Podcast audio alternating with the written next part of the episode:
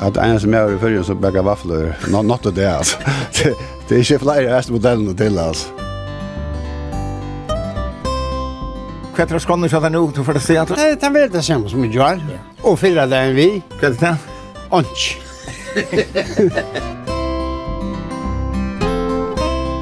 Ja, det samlas allt åt rumman. Han är så skemmtelig så, och, och blöjor.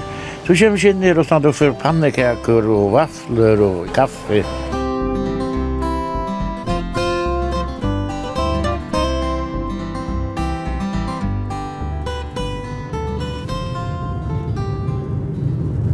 Gåan der, og velkommen vi og Nuttjan Tur. Køyre og ønare spennande odds, og vekkri i morgon er av til aller fakrasta. Klokkan er om at vera halvkon utsjo, så nå er kjøtt ljøst av alvara. Og jeg er jeg ved soret røttene. Ofta vil sagt at dette kanskje er den grønaste oddsjen i førjen, og hvordan så er automon større, og det er kanskje ikke så løye, og det er den sånnaste åkken tjåkon, Sorøy. Jeg har vi øyne avtale i morgen, og det er vi en mann som er ekvilja sentraler her han bor. I morgen fer jeg et vidtja et sted, her særlig menn dette inna gulvet, fyra parter, og her var en honalige løte sammen som koma ur arbeidet en løte for å få et godt prat og en kaffemån sammen vi Ørunga og mannen og i Imson Aldron. Og hette er en fastor totter tja nekvun Audamon. Irska det er. Jeg var kort tjøknon Hofstunnelen og fram vi Porsche, sår etter og er nå i Vaje. Og det er her jeg har jo en avtale i morgen. Høvespersoneren er Oslendinger, men han er bo her i Vaje i en 40 år, så i det vil han mettor at være vapengur. Og nå er jeg kommet inn, eller vestor, halvtid jeg sier her i Vaje, er tatt vi gamla skola. Her er det Radio Service stendur utan nå. Det ser ut som det er tvei små eldre hus som er sammanbyggt. Og her samlast nekver voppingar og soringar i høver fyrir apart. Og jeg har som sagt bare avtale vi Saivar. Så det er veldig spennende at uh, hitta der.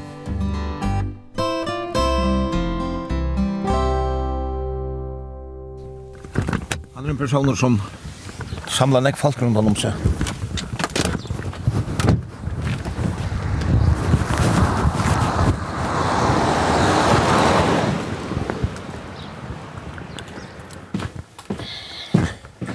Og her er handelen, og verstavren er i middelen, og så er innast er kaffestovan her, og nekver samlast fyrra part. Hallo. God morgon. God morgon. God morgon. Det luktar av pannekøk Pannekøk, er det mer enn pannekøk? Er det vafler og kaker? Jeg vet ikke hva det er. Skal jeg lova fyr? Hva er det, Saibar? Er alt. Saibar! Hallo! Ja? Du fer er han til han ikke er. Han var utom. Han kommer. Han var utom. Ja, han følger bilen, ja. Ein av dem som uh, troliga vidkjær her til Saivar er Ole Holm. Ole, hva sier du om uh, Saivar? Ja, nu sier du Saivar, og jeg sier, de fleste og sier Saivar, men til noe rett å sier Saivar. Saivar er uh, en omedelig fytte med over. Uh, han kjenner uten soringen, og jeg sikker at det er noen føringer som kjenner han. Og han er vært tjokken her og i kvæt enn en, en i 40 år ganske. Nu kommer han her, og, og, og jeg lærte han kjenne i, som så mange innan, innan utrottene. Seva var jo, så vidt jeg minnes var han uh, neste hadlarstjåre. Og Østlandsen er alt stjåre, så også kan han bare for hadlarstjåre. Og i, høttene ved seg, så her lærte jeg kunne han kjenne. Jeg var formar i utdrottene da utkjenner seivar, og seivar kjenner ut. Og han kommer inn av øyne noe godt. Og i alle øyne. Seivar er først og fremst soringer. Bøyre var men han er soringer. Ja, hva er morgen, Seivar? Seivar tøyer sjokkfur, sjår og land. At sjår og land kemur saman. Jeg halte at navnet skulle være brukt meira av føringum. Jeg vet bare om ein føring som heter Seivar og så appa sånn hjá mér.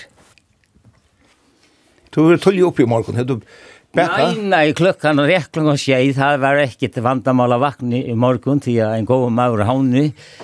Toru Mikkelsen skulle komme, og jeg vil bare takka deg fyrir alla så gode sendingarna som þú ert, og, og, og, og þetta er en stór og hjá förja fólki þessar sendingarnar og ekki minst etter þeir sem koma aftan okkur, að þetta er tekið upp, Ikke bare i havnene, hette far rundt om alla rødtjarnar og, og hette gøymist og, og minningar om folk som hava veri her. Jeg halte det var utrolig og takka for alla sendingarna. Takk for det. Men hva sier du, er um, pannekakan høyt? Ja, det er sånne faste tautur hjá okkur at hans i løyen er alltaf fyrstur. Ja Han var ikke fister i morgen. Ja, Óli Holman fister. Því að hann platt að fara rundt úr vatnið.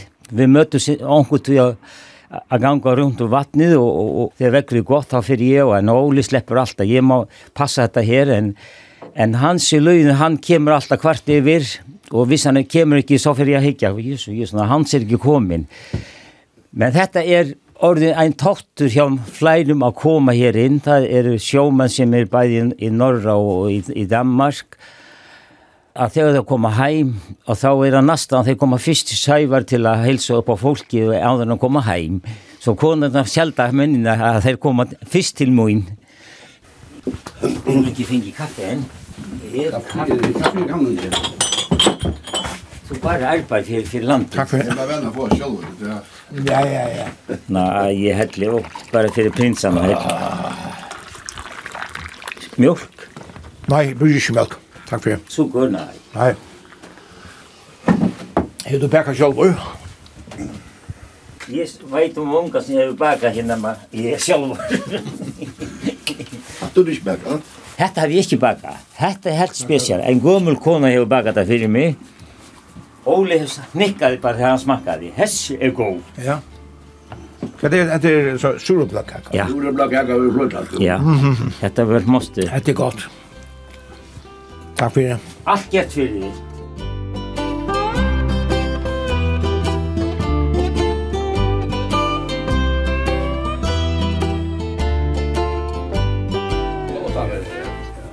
fra startene, disse førje var til... Det er helt at her mennene ut i var fem ja ja øyne. Er så fryktelig nok flere millioner år. Er du kan lyfta tennene mann opp, så er erstu sterkeste maður i førje. Kom inn. God morgon. God morgon. Hva skal du heie? Nå kom sett her, jeg er ferdig. Her, her. Nei, jag måste... Känner inte hur gestor är så det är... Ta ju dinosaurarna för trus miljoner var och sedan... Här innan här, här, Johannes Fred. Alla fyrja vet i Grönland.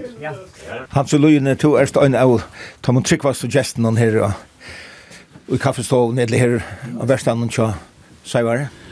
Ja, ja, her blad jeg alltid kom, men ta ikke kunde, som Seivar sier, ta, ta passan og heldig, det er jo det man som noe det gjør, at man ikke slipper det, men Jeg kom her klokken kvart i 8, 20 minutter i åtta, og få heita pannekake om morgenen. Det er ikke kjemse at slett det, jeg tror ikke til det, men, men det er alltid godt å starte det igjen vi omkring gå. Det var ikke kjatt ferien? Jo, jo, her er ferien jeg har vel på seg, og så jeg tog litt mye senast. jeg har alltid klart det bedre enn til senast, men ok, du klarer jeg å ha mye bra. Jo, jo, her er fint av vera, her, her kommer nok folk, og, og eisen som sier hva sier Jani, at uh, kommer menn som kommer utanfra som har silt, og, og seta seg inn her, og, og så får man en prat, og får jeg vite hva vi henter her, for eksempel den som sikler Norra, og, og den som sikler eisen i oppsjøverskipen Danmark, og så, der kommer nok her.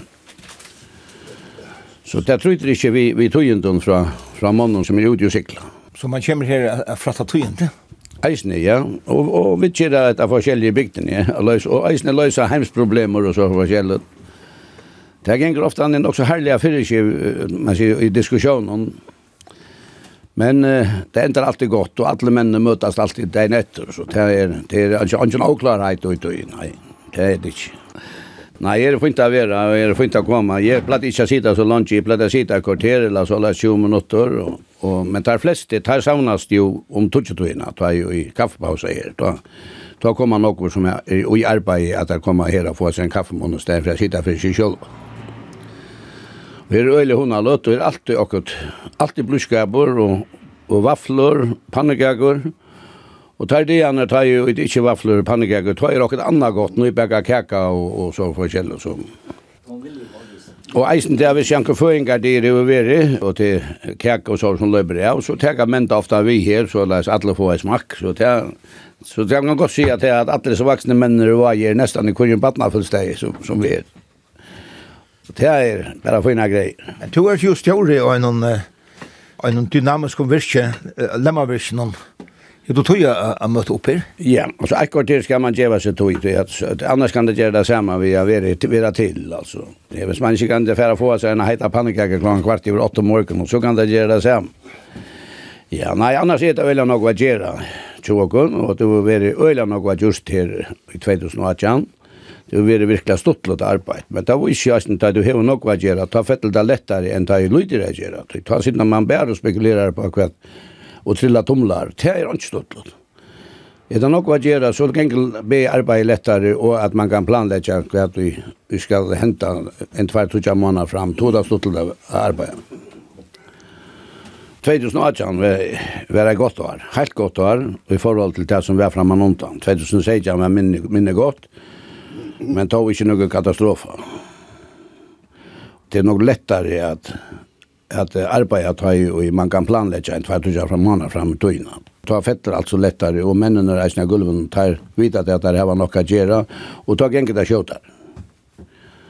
Och först när han uppblåster här i kaffestånden så säger varje till till lämmarna. Jo, jo, alltså det er onkel som cyklar vi lemmene och tjogen utan och så kommer man hem att vi tog inn, hvis det nå skulle det haft dere och eller annet, Så kommer det fram självande, men inte, ikke direkt och. Det er det inte speciellt att få oss vi altså. Eh ta ge förra fiska vi trålare först för. Eh jag har ju vært lugn på att den tror jag så får jeg fiske av trålare först fyr i i uh, januar måned jag tror jag fjärs. Och så gjerne tar här vi finnes vi lemmer. Jeg jag får så skola i havn og var ferdig skipsførere i Nuttjall Fjers og fikk skipere tjansbeina ved og nattana, vi trålere, Vær så skipar jag trålare till 2003 tag avstia sikla och får landa marera vid Lemmon och tävvis så vare så ja. Och till du känkra?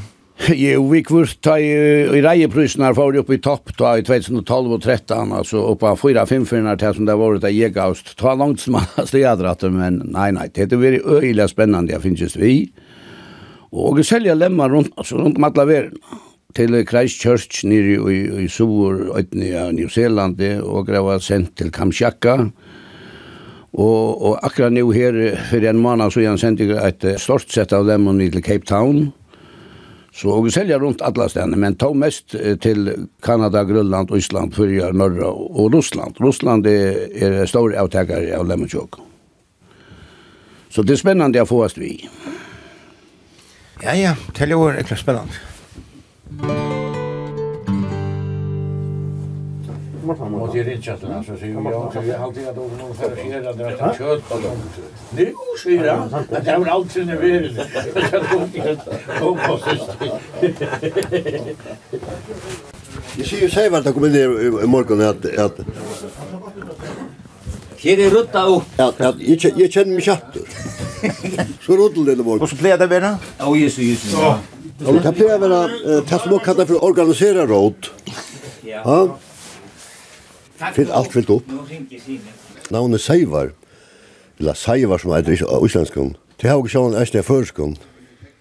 Og det har ju sævar Seivar Strontan. Och det har Seivar kvinne. Det er jo en høfrikv, og det har Seivar man. Det är ju en høvmøver. Så at navnet finnes, navnet finnes eisne av, av, av förskum. og sævar inne, ja. Nå sånt. I Nulse, ja. Ja. Så det er kanskje løy at det ikke er flere føringer øyta sævar? Ja, jeg halte at dere bruker øyla løy til her året alltid. Det er vekkert år. Vi sævar, S-E-V-A-R, ja. Sævar stront, det er mer kvemal, ja. Ole Holm, hva tøytning hever til at uh, menn kommer sammen her på en måte? Ja, men det er jo stor om tøytning, tror at det heter jo menn uh, som er øyne i. Det heter jo feilt fra læreren til sjåmenn og Det er fra sjølvstående folk til uh, arbeidsfolk, så er det og Ta fevn og øra stor part av, av, av våpengum, så det er alltid stor tøytning. Bort, og bortsett fra sjølvan fra tøynden, så er det sosialt uh, ser jeg tøyninga mykje. Så hette her er, som man sier, hette er en part av den, så her? Ja, det er en parter av, av, av morgenen, kan man si. Du er alltid her, tar du Ikke alltid. Ja, ja, målagan pleier jeg ja. Så sitter man her og prater i halvan timme, og til alltid er til stort, og det er ikke gjøvande. Så nå er så jeg var ferdig til arbeid. Så... Jo, det er ferdig til arbeid. Anker, jeg halte til anker kvalpid, bare sin. Og Du skal bare hava disco, så det er min feiler. Pakka den nyer og, og og boi her til jeg kommer, så får jeg ikke gjøre øvnundin til kvalpa gåa. Alt, alt er gåa, vi høyrast. Ja, bye.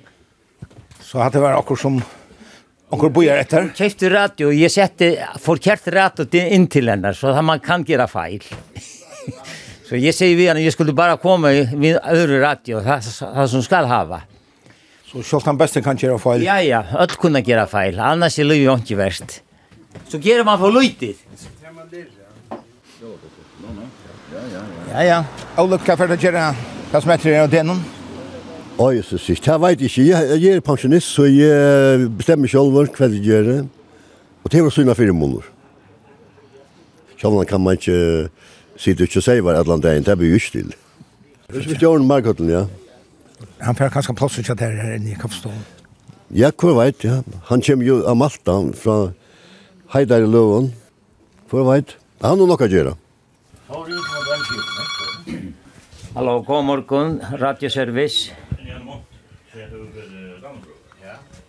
I, i, nei, jeg kan komme, kanskje sitten i dag, komme til døgn og hikke efter, efter sjømvarpen og, og vite hvordan det, det er ute eller inne i feileren. Jeg heter Nekka som uh, altså, Du själv har skapt, eller er det är det kommer av seg själv eller så? Det har kommit bara såna såna det börjar här i 91 92 har köpt i grillbarina som Torg Sovore hade haft här. Och så fick jag detta hus vid Sujna köpte det och, och, och, går vi med Preben Nolsen, han körde så hål av mitt i husen och, och gjorde Og så heter det tvei hus. Det er tvei hus. Huset som vi är nå her, det er minst är 140 år gammalt. Det er et eldsta huset i bygdene av Öyri. Paul Öyri var her, og, og, og Henry og Viker Atte her huset i jag käfte fra Thaimann. Sjóvan, du hör en lenka sögu, men, men hur spär det till du kom til Vox och blåst en sån ujmen till Vaja? Jeg hadde vært i Førjum i 41 og 42. Jeg hadde så noen gode minninger ur havnene. Jeg spalte vi kindle, og vi kindtes noen gode folk i eisen i Nestanum, og, og fra Vestmanna. Det var mest trulig som spalte. Og jeg kunne fortalt noen sør fra Torshanna Skipasmøye om Paul Mår og Kjarta Mår og Olar Gudmundsson. Hetta var alt høvdingar. Men hva spør til at du kom til Vox? Vepi og, og Reinir heitir Ítrata i Sangeri og það er ein stórsög som Óli kundi fortalt meira om því að þetta er fyrsta samband sem eitt Íþróttali í förjum hefur sambandi við annar land Reinir og Vepi Það varst du holdt vist? 100% Vina samband tepe var eisen i, i, i Skottland ja, i fyrirtøyni. Men eh, Reini og Vepi høyde så samband og hava det stadvekk. Þá kom unga stolkur kvinnur fra, fra Vepi og spela handbolt til Island og þær fóru til Reinir og så var ég midlimad og þær kynnti sig sus i konu minni. Så ta kom til det kjennast? Ja, gegnum það. Så, þess að íþróttan hefur haft en tatt i min liv er enda her. Og jeg burde være nesten så ålig, så jeg burde være 38 år her. Jeg har gått folk. Du har gått affæra bortrater? Ja, jeg kunne fortalt noe ålig um, om, om høttene i Vestereien. Og, og jeg var her i 11 år.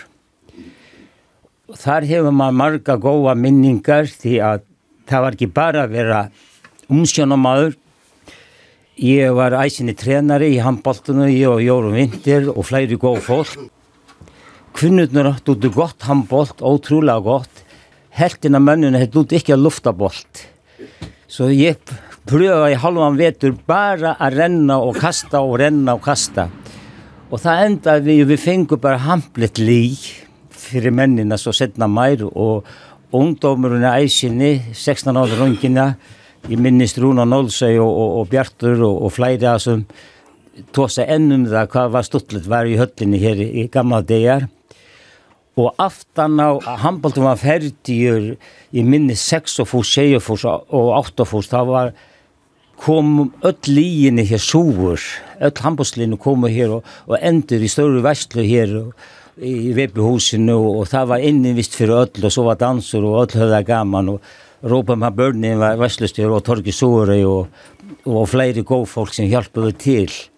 Så det er eiga nokkur gode minningar að koma sur til voks. Nå er det markotlet, nå summihilleren. Så det breytist, togjen breytist. Det stender radioverkstaver altså? Ja, jeg ropar til fyrir radioservice, en, en man kallar det bare kaffestående. Øyri, Og du arbeider her framveis sjående? Jo, jo, jeg røyne at alt brøyte seg við togene. Skogsmyrer han forsvann, og radiomennene her forsvinna eisene. Nå er ikke umvalgt meira, det er mest skift ut hjá folket. Folk kan ikke bo i etter at man reper av sjånvarp, da skal komme beina vind. Øtl hava tvei og tru sjånvarp. Tøyen har brøst utrolig fra tida jeg byrjaði her, og Nu er mitt arbeid mest å fara ut i hus, å hjálpa folk, mest eldre folk, vi har sett upp parabolantenner og antenner fyrir televarpið og fyrir kanal digital. Að ég fer rundt um alla öðna. Ein þáttur hjá mér að þegar ég er hjá eldri fólki að hvis þau bjóða mér í kaffi, ég segi alltaf ja, þessi litla löta sem að sérst nýr við fólkinu og drekka kaffi og, og eitt prat det gjør folkene utrolig Du har jo drukket fyrir her kaffe, sier noen gommel kone i Kvalpa. Så jeg tar en av hattur i, i arbeidet, det er at han var samskitt i folk, ikke bare drøna stad aftur. Jeg sier heller ikke nøy takk til at folk vilja vise en blodskap, og ja, ja. Det er alltid vi har skilden til at takk om alt, ja? Ja, og vi er noen kjenner lykker i det, vi er to som er ødel og gode ødel.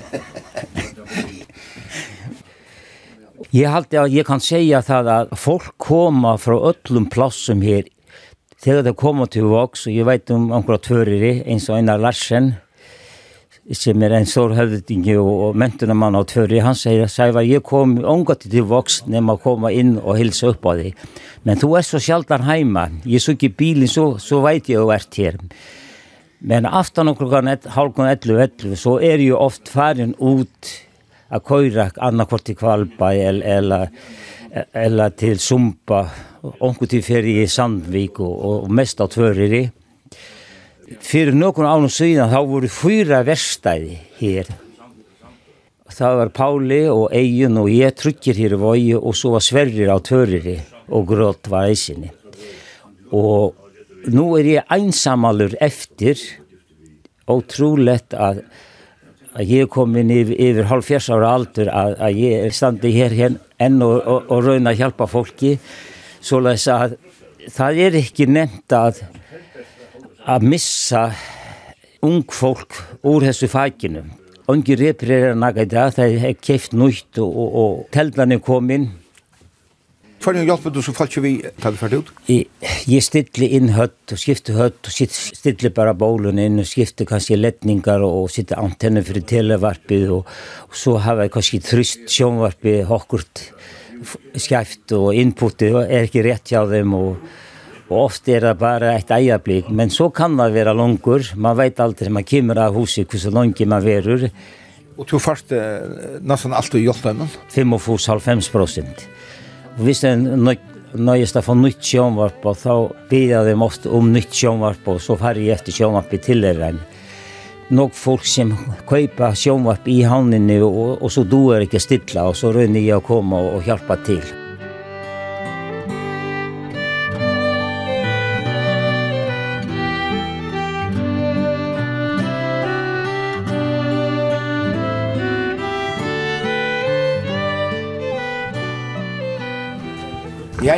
Og kvalpengar i røysene her i morgen.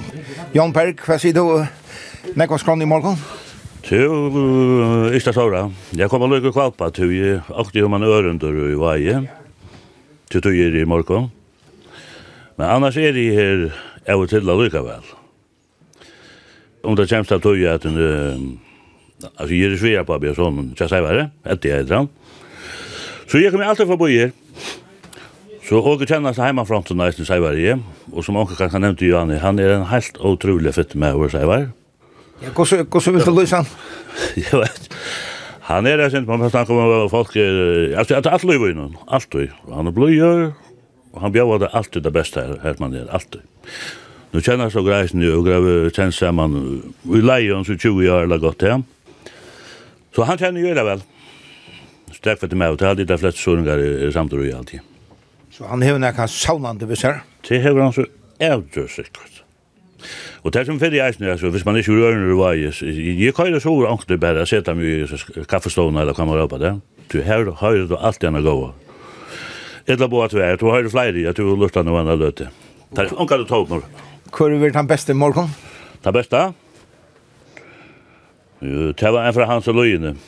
Men, men jeg hadde ikke for entertekene alltid. Det er det ja. Ja, ja, men uh, du har sagt att säga at du så. Ja, jeg vet det, ja. Alt det bästa, Takk for det. Så er Jag tänkte att han inte hade glömt på sig. Ja, det är väl En av dem som har vært her i morgen er Eli Polsen og Sumpa. God morgen, Eli. God morgen. Sumpingar Leita seg røysene i kaffestålene tja, sier var det? Ja, ja, ja, det er kjempefyrre. Jo, man undrar vad ju och det passar sig så, så dött man in i. Här frätte man allt jock och gott. Kostan? Ja, det var det han skulle kämpa ut med orden i. Så det är ju att, att mötas med hända matan? Ja, för sören. Det är så pura säkert, ja, ja. Det är tås han åk om, ja, ja, dagsens problemer. Så där så var signa i onkeske fotboll, det kan kanske som rukte på. Så. Det er ikke nekka som fyller nek for her? Nei, ikke vekk, nei, hva skal jeg skal lade kjøte, ja. Men, uh, ja, du har jo løyve. Ja, ja, ja. Hva er det under i morgen? Jo, jeg vet, nå kom jeg så sent. Det er det er det samme, det er fotbollteren. Og så det imenska søver. Jon Kvalpa, han er sjåfør, han vet, fortalte jo akkurat akkurat nå om torkagravene her.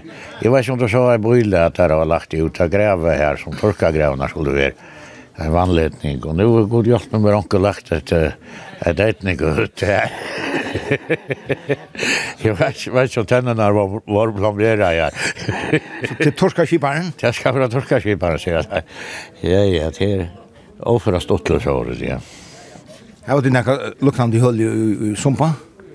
Ikke enda kursier, men nu er det ombyggt samkomhjus og så illa fint. Så jeg vet ikke om det kan skal være rokket der. Ja, nu er det stort lutt. Men altså, her møtte du folk som passar ut för mer ur atler i ötna. Ja, for så ja, ja, ja, där kommer alla ötna, ja. Dette er inn der av øren, det skal jeg var det.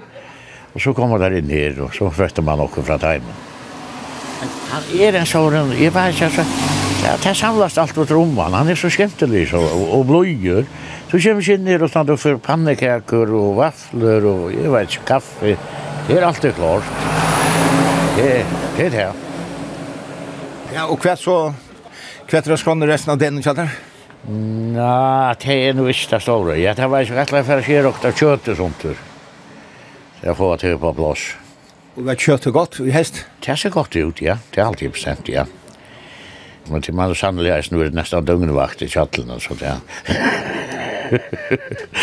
Her, så unar var avgengande? Nei, jeg halte ikke. Jeg halte ikke, nei, nei. Det er veldig, veldig helt fri alt, alltid. Og jeg har ikke sett noe. Av avgengsten personen her, nei. Nei, nei. Og hvordan vi før skal danse noen? Hei, nei, jeg vet ikke. Nå, nå, jeg er ikke så aktiv langer. Man fettler fra, sa jeg, og er det bliva. Og nå er det kommet nok snakk. Og er det andre som har hva takka vi? Ja, ja, ja, ja, ja. For søren her er det hva unge folkjørs, bare kvinner og menn som er i offer bare jeg og hva. Så før ikke danseren og i sumpa, han... Han er jo da godt, ja. Helt godt, ja. Det vill säga. Nu hör man så ramliga upptöker, gamla kve upptöker ur sumpa. Är det så att arven är litt lite? Nei, jeg halte det klart oanmyndliga vel. Mm. Det var lust etter opptøkken som er, er gjort der, og, og hva køyre høyere ut i spåren, vil jeg si. Det er overfor, altså. Og det er det samme stedet, altså, som det gamle? Ja, for sør, ja, ja, det er dette ikke borte. Nei. Særlig det vi tog? Ja, det er det som åker oppe for i attesti. Det har vært brukt av at han vil inn i djungen. Så det stod i ånka, ånka fyrir, at det er ikke at det. Det var gåa omstøreisende, han er i gåa standi, og, og det er nok just vi anna, ja. Han er över hundra år. Minst 12 eller 13 år byggt. Så han er vel i hundra år. Men han er, han er. En parter er av, av vettkjønne sår er av det gamla, men så er okkur som er byggt av treet. Og, og han er i helt konstant. Og vi er brukt dulig og dansedøyen. Takk for i morgen. Ja, lukka mat, ja. Og jeg tenner jeg skil med skilmer, ikke? God morgen, god morgen. Nes men oss. Ja, ja, ja, ja, ja. Det er jant nødlund, det er jant lein. Ja, ja, ja, ja. Bra, bra,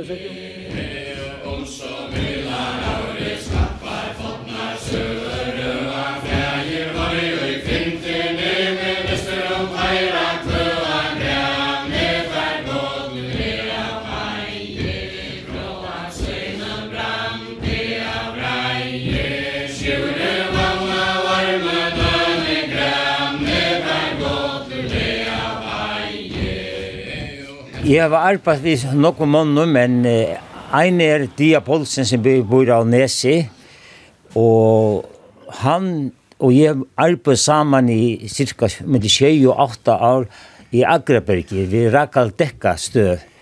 Det er en støv som gir pulsar ut, 8 pulsar i luftina, og så kan Dia Polsen fortelle hva pulsarne var til, og, og hva støven var i Agraberg. Ja, ja, og Dia er her. Stian Poulsen av Nesi i Vaje, ja. Ja. To løyda der her i kort. Og jeg heter her over det gong, her, her kan man ordna verens problemene. Jeg kunne det lokale, kanskje. Det er... Alle for å gå vinn. Andreske fotboll, det er tås om, og det er... Det fyllt det mesta? Ja, det er fyllt nok, men her fyllt ikke slett ikke vi. Der, der spyrir jeg meg hvor vi halte vi, sier jeg halte vi, der som spiller motor, der Manchester United og Liverpool.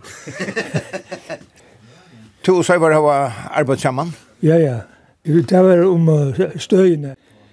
Hon uh, starta opp i 1974. Og heldig bedre i 94 da i satellittene i tog. tog det var GPS kom da. Støyen var faktisk bare til til navigasjon av oljefeltene og akkurat støv her, her i fyrjøen, og så var det tver i den norske stranden. Og nøyaktig er den verste år, du vet at det var nok tettere middelstøyner inn løren se kjedner. Støyner er i hver høyst. Ja. Så her har tid uh, rakat sammen? Ja ja. Og det var det var alt automatisk og grudde telefonvakt. En vecka vänster. Ja, ja. Og oft var det at det var så nok salt av antennene, og da forsvann pulseren. Så skulle vi bare boja, regnet kom, og så kom pulseren opp spekler, så alt var i leie.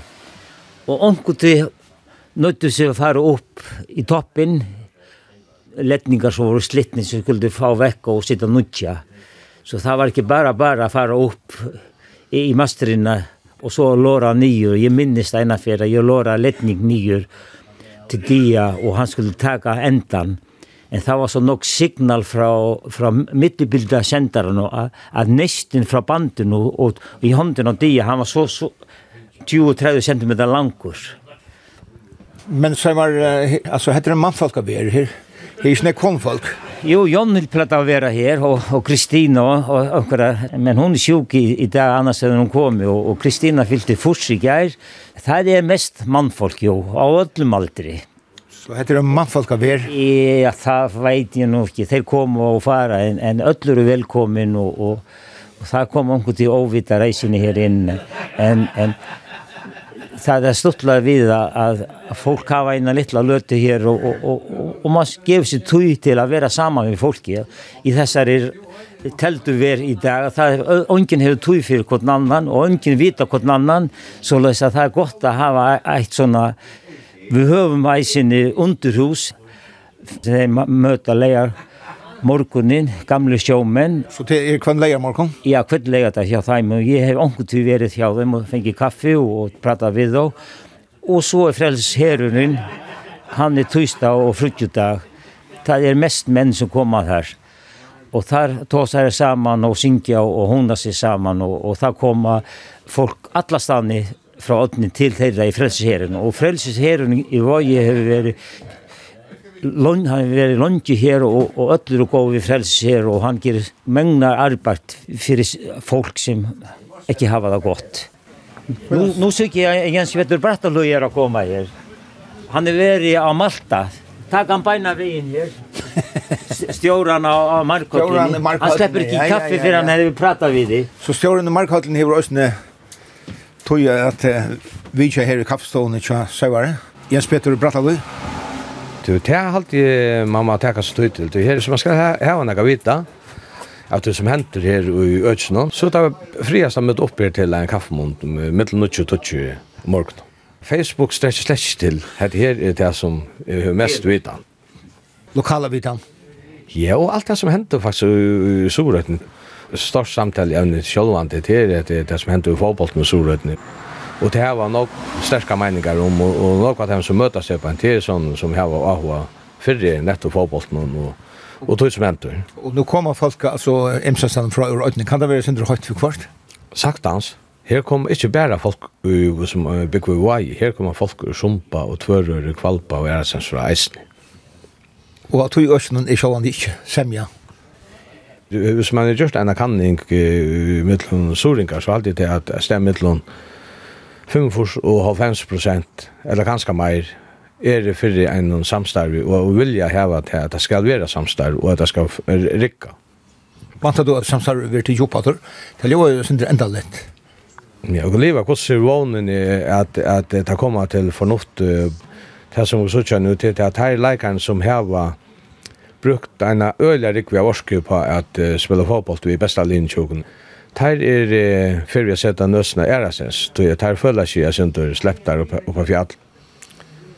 Og kan prate her i kaffestålen til Saivar løse opp fyrir tog? Det kan det sikkert, altså. Det er bare spørsmål om man vilja til øtlom parten tog jeg at eh, fyrir man inn i samstar så må man bæt i djeva og, og få nekka at fyrir.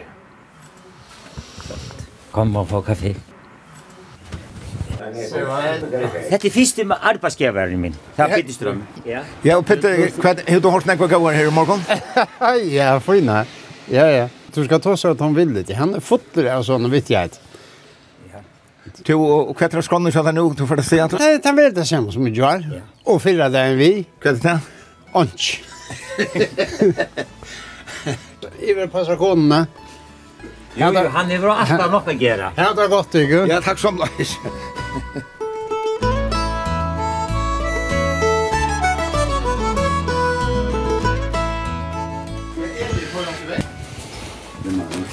Marlan, det var godt ja? Hvor er det så senere morgen, Marlan? Ja, det er arbeidet som uh, kallar, ja. Jeg var etter, etter Kjervi og i Portsjeri, og her kom en bil og stod opp fyrir, så her stod jeg. Så er det så senere.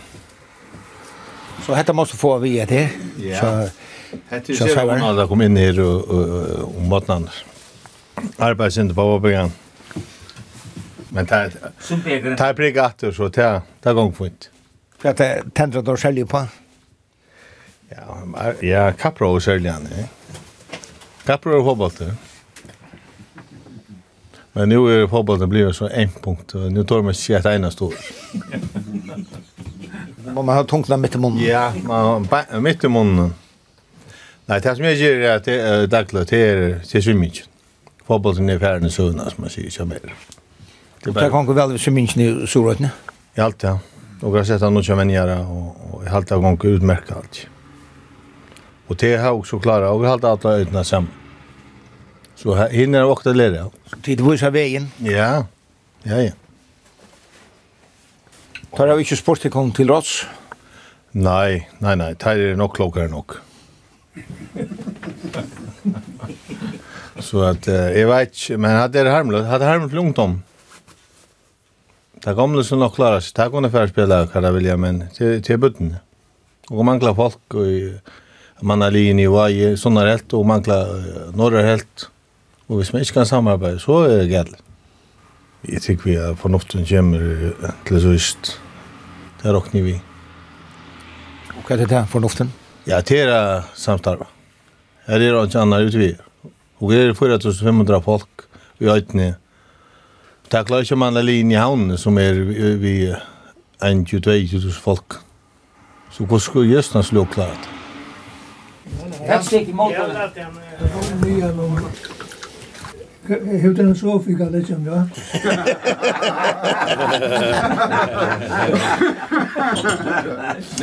Nu kommer största vesturinn i Voksbygd.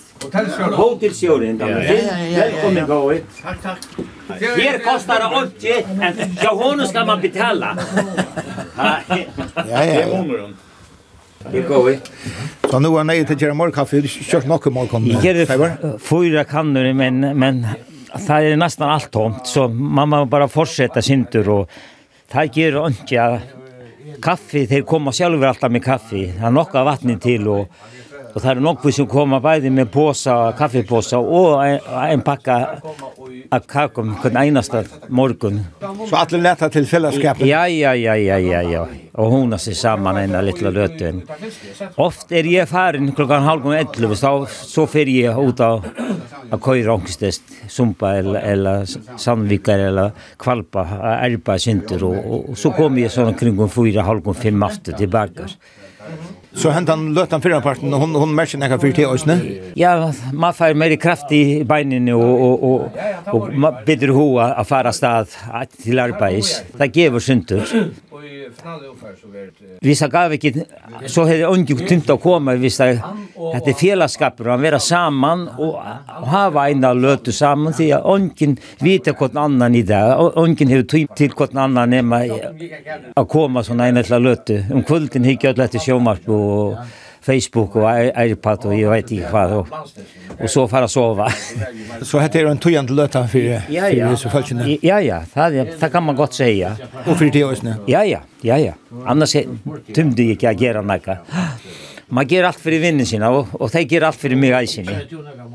Ta mynda såna en, en fjellandskaper, og, og, og, og, og alle er velkommen å komme. Her er ikke Och det kan du inte till verksamhet av Nej, nej, nej, nu är det så gammalt när det är det hette såna så hobby. Det är samma och och hotelleieren Finn Olsen han han är rätt att komma in i horen. Han kommer och ger sig tog, han är unga tog, han kommer och lucka väl. Du kan säga ett och spela han kus hotel resten av gånger här honom. Ja, Finn Olsen tog Olsen tog ja. Jag vet inte när kallar. Här inne här lugga skalt om man är några gera vi heter. Kistingarhuset som gräva, hotell Batchen. Nog så ofta kom jag i morgon. Lugga som bara pra, lite prat och så har det efter efter. Fingrarna bollen som har vajka fyra gånger. så det fart var vi det här? Ja, det kan man gå se. Här är något annat chat och så läs. Du vet. Och hotellen någon är är Rachel Dagera. Det er Och sommar är er något något turister sommar. Atlasens från. Och och i januari man hej fyra amerikaner på det som byggvand här alltså alltså nudja aftan. Har det sett att det är att det är ball och såna kan in ja interneten så då så så kom det lucka ur. Det var trutcher ur New York och en i Boston. Som kommer till till till till till till ja. Fantastiskt så lucka va. Annars har jag haft folk byggvand bara i Australien och ja ja Atlasens fra faktiskt. Ja. I sommar. Stantur så beiner. Jeg färre her på et skärv. Jo jo. Jag ska bjuda den karamell. Jag ska jag kan tyda några man. Ja, takk for det. takk, takk, takk. Kona gamle. Ja, takk for det. Hon är hon arbetar. heter konan. Hon sätter ju så tänker leva till just så där. Tøystovan er på en hinne med igen. Så Arnedal tog ju mer å få deg kaffe for jeg så ikke i komma. Ja ja, ja ja, det er... Hetta gongur fint til þess að var. Ja, ja. Og finn, hetta hausitin hjá honum. Hessi hefur verið hausit i hau arne i flere, flere år. Hausit det er udrava med år. Med saman. Så lesa Så de har haft nekva gav løtna saman? Ja, vant han opp. Ja, haft han opp. Du kommer her, som man sier, at oppleva nekka lagosa? Her er snakk folk, så her er smekkfullt av folk. Det er tvei omtrus i veien jo. Eit er ut av kajen og eit er vestri. Ha? Kon tutning hevet kappstovan kja seivare? Øyla nok. Kom til euron. Det er jo imes folkaslæs som er inne her. Det er altså du ikke Jeg har hørt det, det er først å vite. Sann eit? Jo, jo, jo, jo. Jo, jo. Det er sann eit. Og gamla søgur fra Grønlandi og fra Íslandi, han er spesialistur av fortelja gamla sögur. Finner jo veri helt der oppe i Norge Grønlandi, Norge Øster Grønlandi, hva heter det? Dammarsan? Ja, Jeg arbeider som til gafister her. Og, her oppe i... Fast du 15 år? Jo, til sammen Grønlandi, ja, 15 år. Ja. ja. Så jeg var en veverstasjon i Dammarshavn, som ligger helt av 8-4 stien. Norrør. Ja, ja. Jeg var jo 20 måneder. Jeg er fra i føringa videre.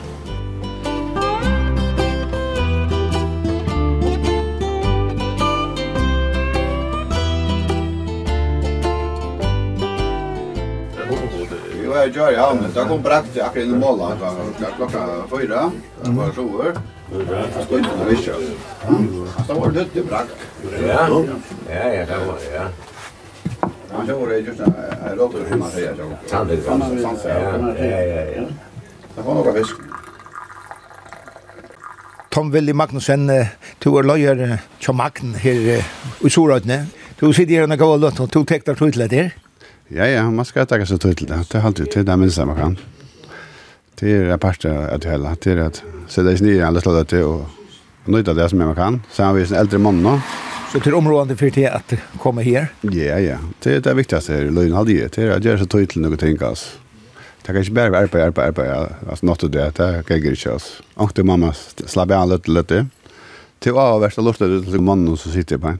Och fortäller från Lugga från Grönland, Flemingskap og rundt alle stedene og glavert. Og langre du sitter her, langre ved arbeidsdavren? Nei, det er det ikke. Man kan bare arbeide sin kjøtt her. Renne sin kjøtt her. Alt blir til. Så her vel løtene måste få vi? Ja, ja, det er det klart altså. Det er alltid. Det er alltid avvärsta jeg vil si bare, altså. Jeg råk vidt at man kan som er i solen som er inne i røkne gulden og det råk vi. At en som er i fyrjen som bakar vafler, not, not det altså. det, det är inte flera hästmodellen och till alltså. Kan sälja det vi inom? Nei, han er helt utrolig fitte for det første. Og så er han øl åpen og ærlig, og et stas av menneske, altså. Du skal lete lunsje til en sånn person som sier, han er, han er, han er glir og god ut, altså. For jeg sier det stått og greit, altså. Og det er overmiddelig mittelig vel, velbøyt være, altså. Det har alltid vært. Og hjelpsammer. Ja, ja, ja, det er man gleder ikke. Det er så helt sikkert, altså. Han er alltid klar. Og det er veldig mange gode turer sammen, altså. Jeg har jo båten sammen. Det var jo mange gode turer, og går i skala, og vi gikk ved grittabaten, og Og så sagt jeg at jeg säger vad han fotar han var alltid vi og också västra för under Bjørkunnen, og så så Björn Björkunen och det var ordentligt lottlöd litt, altså. går gå vinna. Det er godt gott är några gå vinner. Det gjør var nog. Hetta var et sted som vi kom før, altså. Jeg er i huset bare når jeg Ja. Altså, jeg har mynt fra før, altså. en, en drang som bor inne i Polen utan det vikar händer bor inne i förra Og vår beste beste grannar alltså. Jag har där då för jag tror så han ser han. Ta sa att jag på Richard och Henry så så bor ju ner. Det är väl sant alltså. Så huset är något särskilt för det alltså. Ja ja ja. Som som åt hur man väljer ön och kvas. Man bor ju för det mesta. Det var helt säkert. Det var alltså felas hus. Henry sa att alltid spelade på gitarr. Alltså bor ju för Arne Arne Arne Seivar kjøpte jeg det så ta flott han igjen i fytlene. Jeg minns ikke at henne sier det, altså, at han har flott i henne fra ta døy fullkomne hov og løy altså vær tjon, altså, du vet. Han får igjen i fytlene bygge, det har man ikke noe godt mer, altså, at han har fått rundt henne fra, altså. Så det har man også om, altså. Å, ja, ja, snakk om. Nei, nei, det er veldig viktig, altså. Ja, man stasjonerer ikke i bygden i Ørtlott, vet Man husker om hva han bør sitt ikke. Nei, og det er noe å gå og løtre på. Jeg minns, minns en av fyrt har jo Her og sådde jeg gulvene, ta bøyla til søyene ikke mamma min, at en kamerat som jeg som er Tom og Påle, og ta så bo i bant, og jeg og sådde Per Bjergsen Henry, han la gulvene inn i køtjen i bant, det er cirka alt røsar siden. Ta mynten til den, altså, til her, ja. Så at, nei, her har man nok gode minner, det er sikkert. Ikke nok om så nivåest. Det er jo, men stod du ikke mest hautaska? Jeg slir jo, nei, mest hautaska. Ja, Han er väl att han kuskar. Jag vet inte vad det är allt. Jag tror också jag hade rycka. Ja, han örklar upp.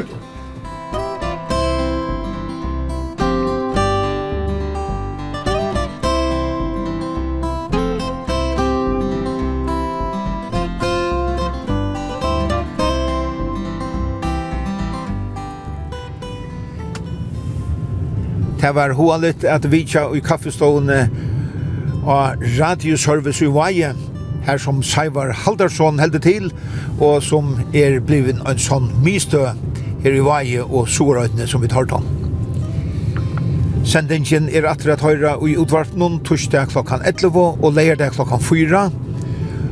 Og så hevur du òsne mølløyga at høyra henne som podcast og i iTunes. Og hon kommer som vanligt inn á heimasugina tja kringvartnum, skriva kvf.fo framskak tt. Og vi tar det tur i hver østene øyne Sujo av Facebook, som to er velkommen at dama. Takk fyrir i det. Vi tar oss atter om Øyna vikong.